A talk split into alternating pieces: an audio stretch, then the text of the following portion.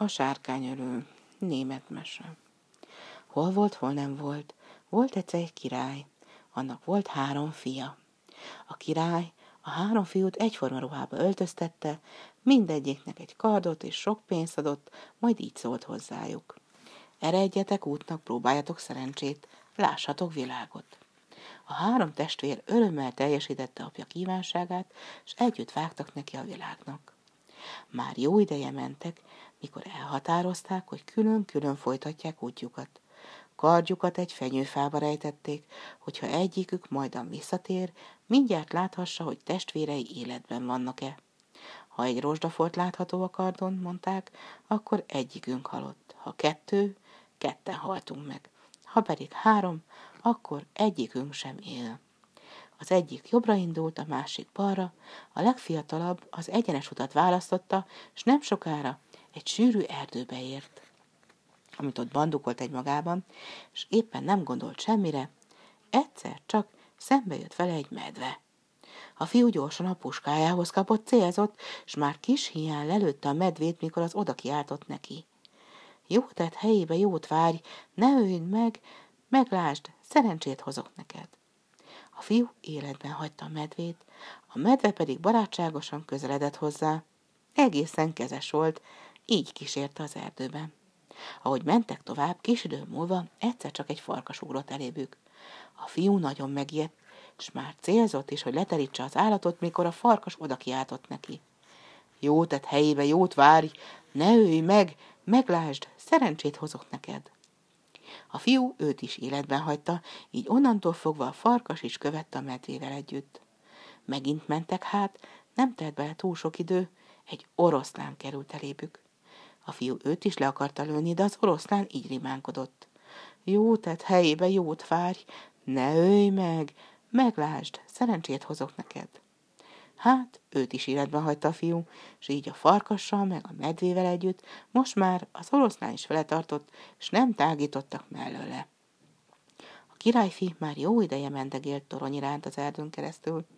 Egy teremtett lélekkel sem találkozott, míg végül nagy vígan egy városban nem érkezett az állataival együtt. Ez a város azonban igen furcsán festett. Minden házon gyászlobogó függött, az emberek pedig hallgatagok és szomorúak voltak. Kérte a királyfi, mi történt, hogy ilyen sötét gyászba borult az egész város.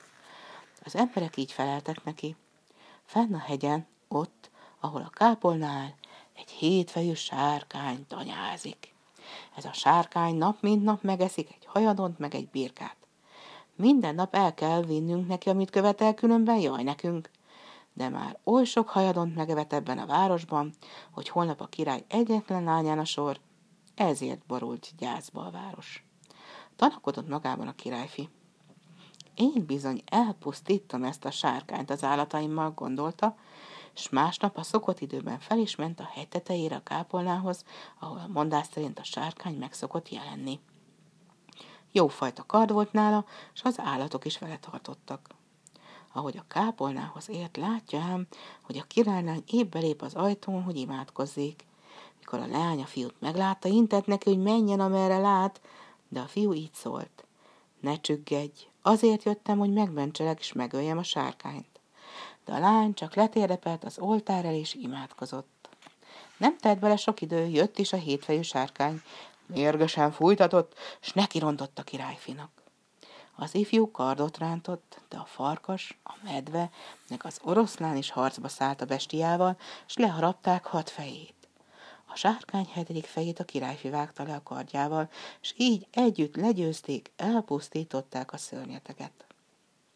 Ekkor a királylány kilépett a kápolnából, köszönetet mondott megmentőjének, aztán levett a nyakából az aranyláncot, és mindegyik állat nyakába akasztott belőle egy-egy darabot. Végül így szólt a királyfihoz. Megmentetted az életemet, bátor vitéz, légy a hitvesem, s a birodalom királya.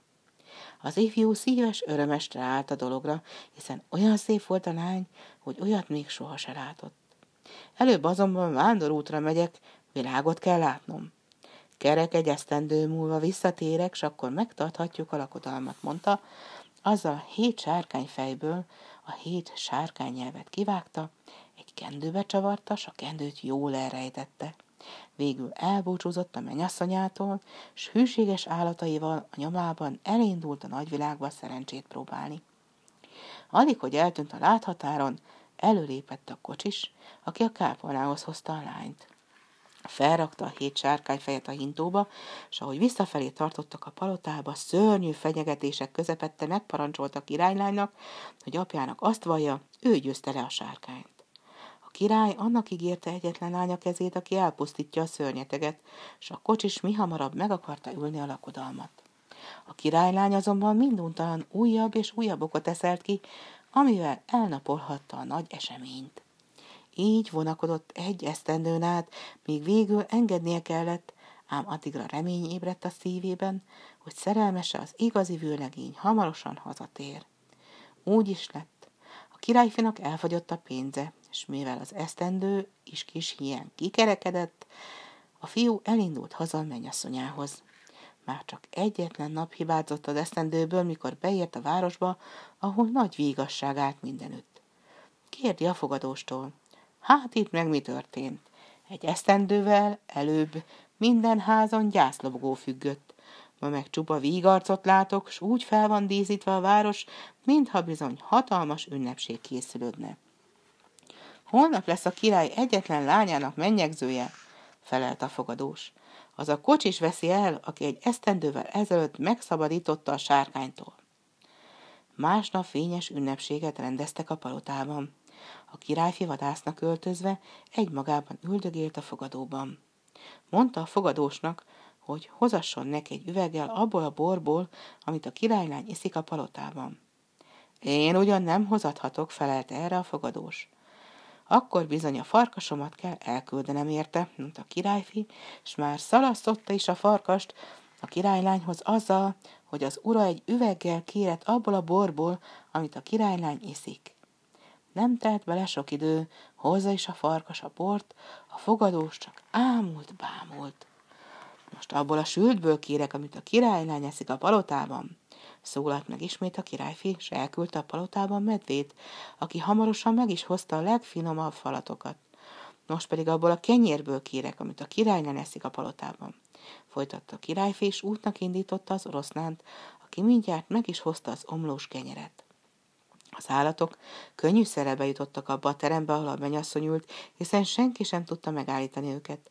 A királylány egy szempillantás alatt felismerte az állatokat, és mindent megadott nekik, amit uruk számára kértek. Látta ezt a király, kérdezi a lányától. Édes lányom, ugyan mi dolgod ezekkel a vadállatokkal?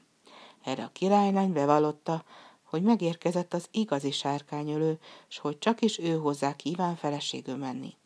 A király küldöttséget menesztett a fogadóba, hogy a vadállatok urát hozzák el a lakomára. Mikor már igen vígan volt az egész társaság, a király megparancsolta, hogy sorra mindenki mesélje el élete történetét. Először mindjárt a vőlegényen volt a sor, aki azt állította, hogy legyőzte a sárkányt. A hét sárkányfej ott díszelget előtt az asztalon. A kocsis meg elmondta, hogyan is pusztított el a szörnyeteget. Mikor végzett, a király a vadállatokkal cimboráló idegent szólította, hogy mondja el ő is a történetét. Az idegen készségesen bele is kezdett, sorra elmondta, hogyan szegődtek hozzá a hűséges állatok, akiknek a segítségével legyőzte a hétfejű sárkányt, és megszabadította a királylányt. Aztán hogyan járta a világot egy esztendőn át. Végül az asztalon heverő hét sárkány feleszegezte a tekintetés, és így folytatta. Minden állatnak van nyelve, de én mondom, hogy azoknak a sárkányfejeknek ott nincsen. A vendégek sorra belenéztek a sárkányfejek szájába, de nyelvet egyikben sem találtak. Erre az idegen előhúzta a kendőt, a kendőből a sárkánynyelveket, és azok bizony hiá, hiba nélkül illeszkedtek a sárkányfejek torkába. Fény derült hát az álnok kocsis cselszövésére. A királyfi aztán megkérdezte a királylánytól, ráismere az állatok nyakában lógó aranyláncra. Hogy is ne ismernék rá, hiszen magam akasztottam az állataid nyakába, amiért olyan bátran és hűségesen segítettek neked legyőzni a sárkányt. Örülhetett végre a menyasszony, hogy megérkezett az igazi vőlegény.